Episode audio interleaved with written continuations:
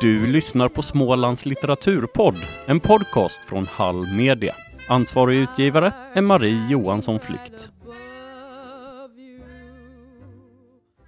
Välkommen till det allra första avsnittet av Smålands litteraturpodd.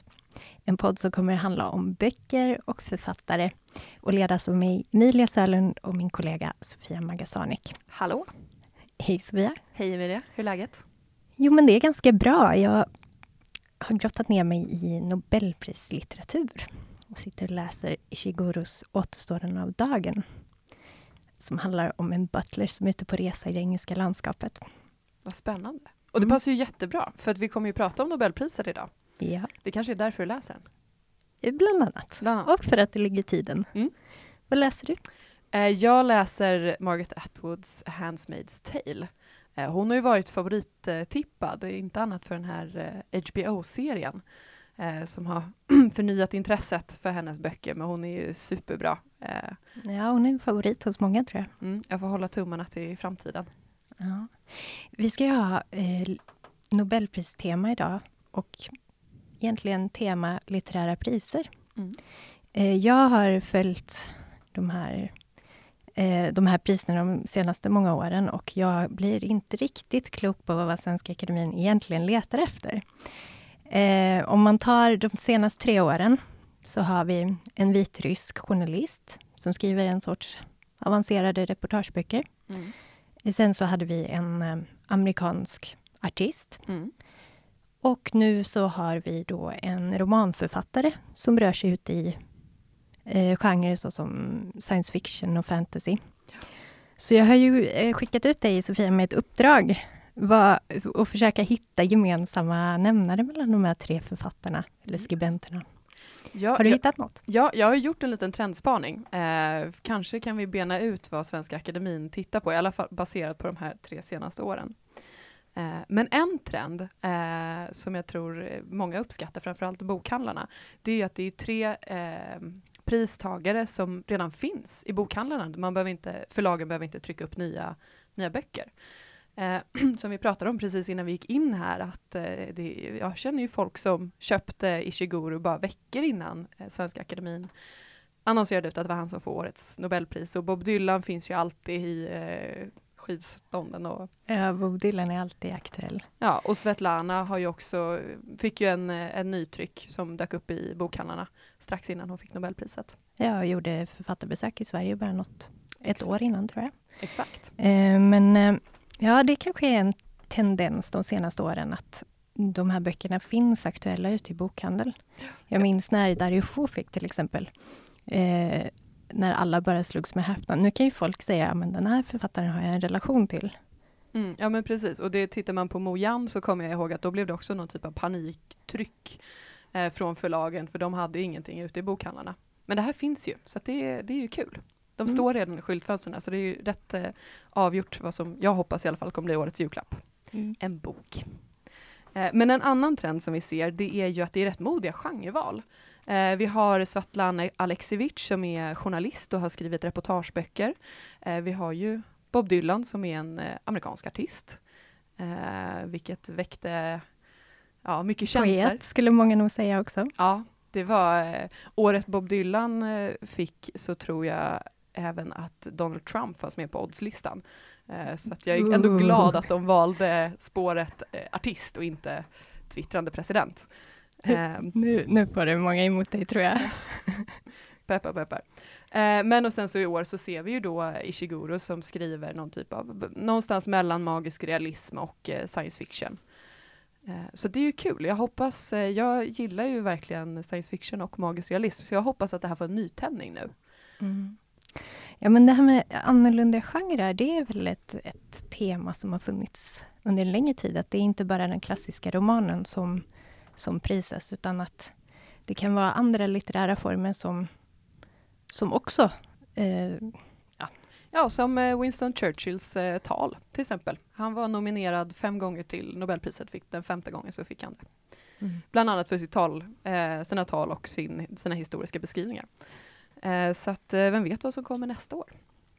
Men en, en annan, om man ska titta lite framåt eller så, så är det ju tre pristagare som har förnyat sina genrer. Vi kan se eh, eh, Alexievich eh, böcker, det är ju en väldigt rå beskrivning, en väldigt rå reportageform som kanske mer är någonting som man eh, tänker på TV eller tv-dokumentärer snarare än tryckt text som ändå brukar vara lite förskönande. Jag kan ju säga som själv jobbar som journalist att det är ju inspirerande att titta på hur hon jobbar. Mm. När hon, jag kan nästan tycka att det påminner om den här metoo-kampanjen. Just genom att man fogar samman en väldig massa röster. Där varje enskild röst är en liten del av en helhet. Ja men precis, och det är ju, hon beskriver ju väldigt nära hur hon sitter med de här kvinnorna och hur männen liksom sitter och försöker hålla dem tillbaka. Så man ska inte prata om det där, utan vi var alla hjältar. Men en väldigt rå berättarform som jag tycker mycket om. Eh, Bob Dylan förnyar, har ju förnyat diverse genrer under sin karriär. Eh, även Ishiguro har ju varit väldigt modig i, i liksom, hur man tar den klassiska romanen och, och får in inslag som, ja, som science fiction. Sen är det ju inte han som har uppfunnit science fiction, men han har ändå tagit in det i en typ av roman som jag tror att många människor kan läsa, även om de kanske håller sig borta från, eh, från mer rymd science fiction. Mm. Just ordet förnyare är ju något som återkommer, ett av de få orden som ofta återkommer i Svenska Akademins eh, motiveringar, när de beskriver varför en viss person har fått Nobelpriset i litteratur. Ja, men precis. Och där kan man tycka att tidigare har jag i alla fall fått, eh, fått känslan att Nobelpriset i litteratur går på något sätt för lång och trogen tjänst, om man tittar på Tranströmer till exempel. Eh, men det vad vi ser i år, det är ju det är tre författare som fortfarande producerar, ja, författare men eh, pristagare som fortfarande producerar och ändå i sitt produktiva liv är relativt unga. Det, eh, är vi inne på en, en ny trend här? Ja, jag tänkte att jag lite snyggt smet in på den, men det är ju eh, Alexievich och Ishiguro i 60-årsåldern och Bob Dylan är i 70-årsåldern. Och det är ju faktiskt ganska ungt när det gäller Nobelpriset. Mm. För att det var länge så att det kändes som att man nästan låg på dödsbädden när man fick sitt Nobelpris. Precis. Men de här senaste har ju varit i god vigör. Innan de går vidare med sina liv så sticker man in ett Nobelpris. Mm. Eh, och det är ju väldigt fint. Eh, där vet jag att det är många som sörjer de, som, de författare som kanske inte hann få Nobelpriset. Men här går ju Svenska Akademin snarare åt andra hållet, att man ger ja, tidigare, allt, ja, allt tidigare helt enkelt. Eh, så det är kul. Hur många trender har vi nu? Nu har vi sagt att de är tillgängliga författare som man kan gå in och handla i bokhandel. Mm. De är ung, här skulle jag nog ändå vilja säga relativt unga. Det är Ja. trots allt eh, i pensionsåldern det handlar om.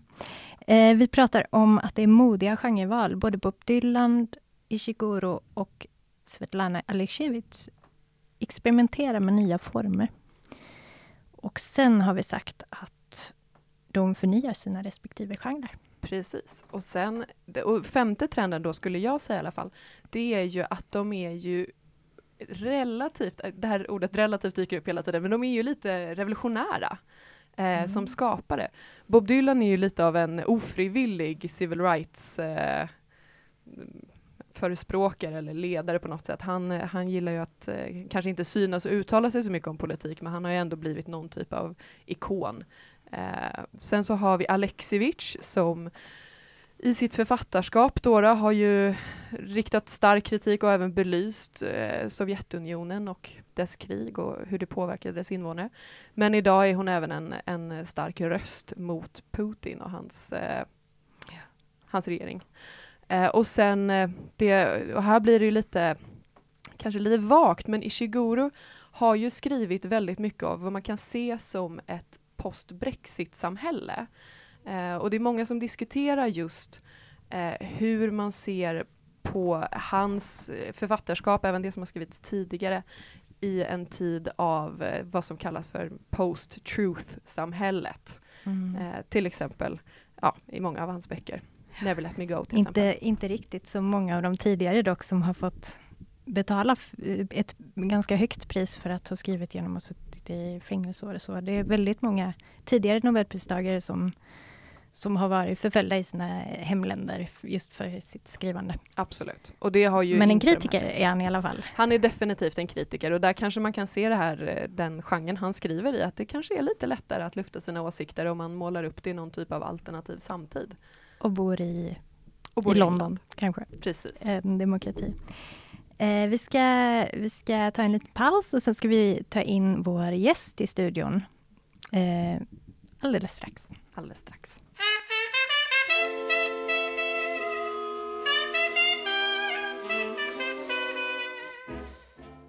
Nu står jag här i studion och vi har fått in en gäst. Och det är en person som verkligen vet hur det funkar när man sitter och ska bedöma olika verk och välja vem vill vi lyfta fram. Eh, och det är vår litteraturkritiker och även eh, tidigare medlem i Augustjuryn, Björn Kohlström. Välkommen hit. Ja, tack. Jo, jag har suttit i juryn i fyra år och eh, det finns ju en ganska tydlig struktur för hur man ska arbeta. Men direktiven är ganska vagt formulerade. Det är ganska enkelt att sitta i gruppen för det enda man ska leta efter är den, de bästa böckerna. Ja, er, ert jobb är att hitta Sveriges bästa mm. bok helt enkelt ja, under ett år? det kan vara, kanske kan vara bra att säga det att eh, vi är fem, det är fem personer som sitter i, i juryn och alla har lika det, det, finns ingen som har eh, större rösträtt än eh, någon annan. Och eh, eh, det är inte heller så att som en del tror att det måste vara en debutant och det måste vara en diktsamling. Utan det är, jag kommer ihåg, jag tror vi nominerade två diktsamlingar ett år och ett år nominerade vi ingen diktsamling. Så att den typen av uppfattningar är ganska vanliga, att man tror att det måste vara en viss spridning på, på böckerna, men helt enkelt de, de bästa böckerna är det. Men för att kunna utse den bästa boken, måste man läsa alla böcker som ja. kommer ut på svenska då? Ja, eh, förlagen skickar in och det brukar vara kanske 150 böcker totalt. Och varje bok läses av minst två personer. Och är det så att vi tycker att äh, tycker då två, båda två att den här boken är värd att ta vidare till en, kan man säga, en långlista, då, då läser alla den. Men vad är det du tittar efter? Är det, räcker det att Björn Karlström tycker att boken är bra? Äh, nej, men alltså vi har, vi, man hade ju under de här åren ganska ambitiösa möten där man diskuterar varje bok och eh, har ganska långa diskussioner från och till. Man presenterar den och eh, man gör en litteraturkritisk läsning om den kan man säga.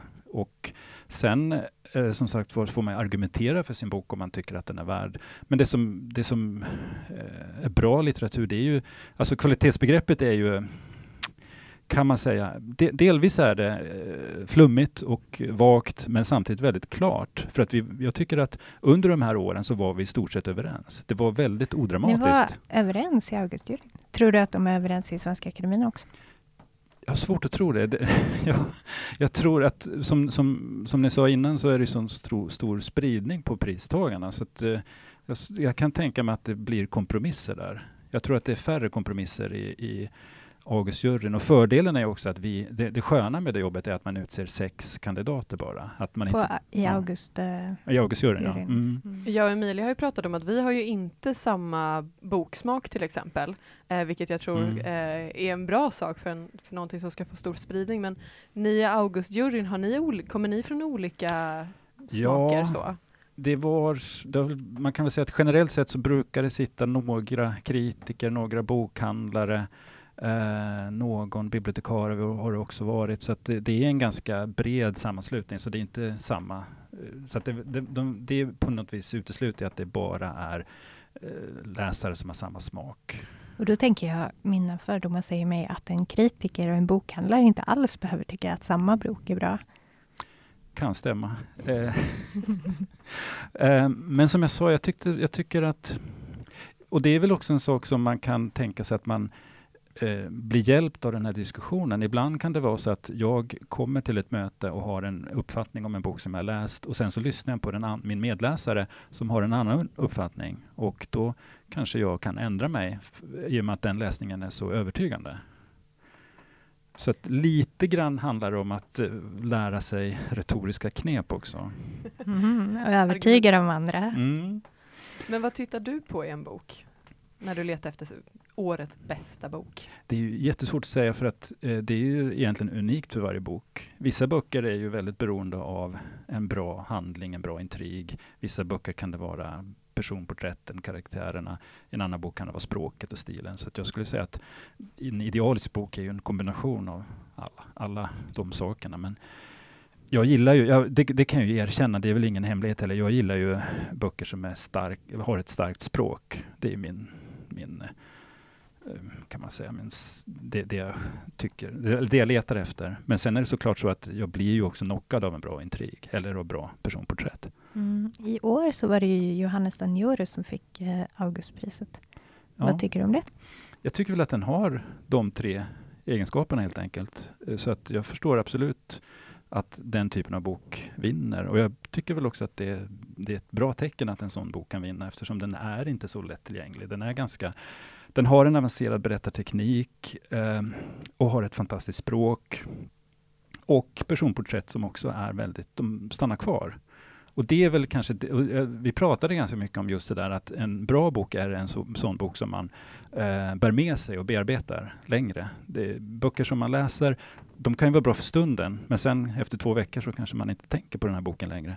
Men medan de bra böckerna, de går man omkring och bearbetar och funderar fortfarande på. Och jag skulle säga att Anjoros bok, det är en sån bok som man behöver, eh, man kan inte bara läsa den och lägga den åt sidan, man måste också fundera vidare. Mm, jag, jag, tycker själv att den skakade om mig faktiskt. Mm.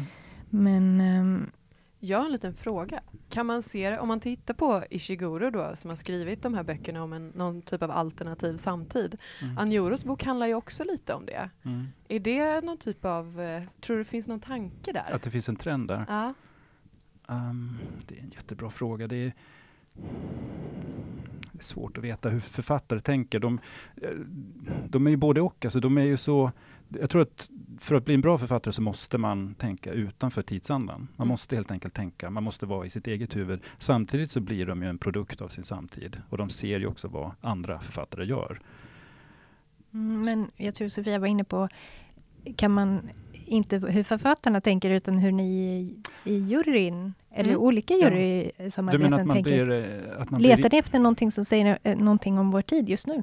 Jo, det tror jag. Alltså jag tror att eh, bra böcker är ju sådana böcker som egentligen kommenterar samtidigt och eh, jag tycker absolut att om man tar Ishiguro som exempel och hans senaste roman, att den, man kan absolut läsa den som en kommentar av, till samtiden. Och det är klart att eh, det är vad Anjuro också gör. Och det är klart eh, att det är bra. Bra litteratur är ju sånt som har någonting att säga om livet vi lever nu. Och just därför kan jag också tycka ibland att historiska romaner är bra är en bra, ett bra sätt för en författare att kommentera samtiden och på något vis gömma sig i, i historien, men säga saker om sin samtid utan att det är så uppenbart.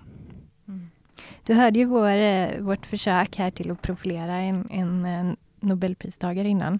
Man skulle vara relativt ung, lite revolutionär, eh, tillgänglig.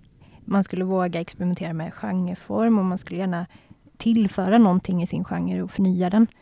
Eh, håller du med om den bilden och har du kanske eh, någon egen spaning? Om Nobelpriset? Mm. Ja. Alltså det, det, är väl också så här att man kan väl tycka att eh, det känns lite grann som att de byter inriktning. Ni var inne på att man byter, de byter också inriktning och genre ut varje år, så att det är väl ganska troligt att nästa års pristagare inte är då en romanförfattare, kanske en dramatiker. Uh, men mm, ja, alltså jag, jag, tycker det är ganska hopplöst att spekulera Nobelpriset eftersom det, jag tycker det har varit så fruktansvärt oförutsägbart. Och vi som trodde att vi hade något typ av recept på hur man blir Nobelpristagare. Jag tror man måste titta längre, längre uh, i tid. Då kan man väl också säga att uh, historiskt sett så det bästa hade ju varit att vara en vit man som ni sa, i en ganska hög ålder. Medan om man tittar på 00-talets pristagare så känns det kanske lite som att de, de har ett starkt behov av att upprätthålla eller att eh, förbättra sitt rykte och kanske speciellt eh, det här året. Så att jag skulle väl inte bli jätteförvånad om det var en kvinna nästa år. Ja, du menar att de också börjar bli lite politiskt korrekta? De skulle ju aldrig erkänna det såklart, men eh, de skulle kanske behöva bli det också. Man kan alltid drömma och hoppas. Jag skulle vilja fråga dig eh, någonting som jag tror en hel del av våra läsare undrar. Behövs litterärpriser överhuvudtaget? Jag önskar att jag kunde svara att jag var tillräckligt cool för att tycka att det är att det är ointressant, men tyvärr så måste jag säga att jag, jag tycker själv personligen att det är jättekul med priser och jag tycker också att just Nobelpriset gör ju att litteratur diskuteras av i stort sett alla. Alla blir ju berörda av det och det är ju någonting positivt. Och på det sättet tycker jag att priser behövs och det är bra för läsningen. Um, så att på det viset behövs priser. Sen tycker jag kanske att... Eh, det känns som det finns ett men här. Ja, det gör ju det. Och det är väl det att, som jag sa, det är ju inte alltid de bästa böckerna som vinner priser. Man måste ju komma ihåg det. Man ska ju inte ta för givet att... Alltså det är, det är en kvalitetsstämpel, men eh, man ska inte tro att man, eh, det, det, är så mycket annat som sjunker undan. Eh, jag tycker det är lite tråkigt med Augustpriset att vinnaren får sån enorm uppmärksamhet. Eh, jag tycker att de nominerade böckerna eh, har i sig klarat ett väldigt starkt, gjort en stark prestation genom det urvalet. Om man tänker sig 150 böcker och det här är de sex bästa. Det är stort. Ert mm. pris är lite för framgångsrikt då helt enkelt. Mm. Eh, vi ska börja avrunda här, men jag tänkte skicka runt frågan. Vem är er favoritnobelpristagare genom tiderna? Om du vill börja Sofia? Uh, ja, jag tycker väldigt mycket om, nu hoppas jag att namnet blir rätt här, José Saramagos Blindheten. Tycker jag är, det var en av de där första böckerna som, uh, eller nobelpristagarna som verkligen fångade mig. Uh, men sen så Svetlana Alexievich tycker jag, hennes reportageböcker är helt fantastiska. Och Björn? Mm. Du menar av de som har fått priset medan jag har levt? Nej, för alltid. För alltid är det ju såklart William Faulkner. Jag är väldigt ensam om att tycka det, men jag tycker att William Faulkner är eh, egentligen den bästa författaren alla kategorier. Mm, jag ska gå ännu längre tillbaka i historien och utnämna Selma Lagerlöf till den bästa nobelpristagaren genom tiderna. Eh, tack alla som har lyssnat på detta poddavsnitt och håll utkik efter vårt nästa avsnitt när vi ska prata med en av Nordens bästa författare, Kjell Westö. Tack så mycket!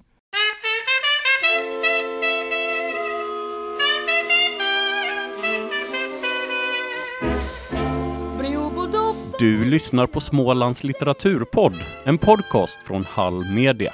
Ansvarig utgivare är Marie Johansson Flykt.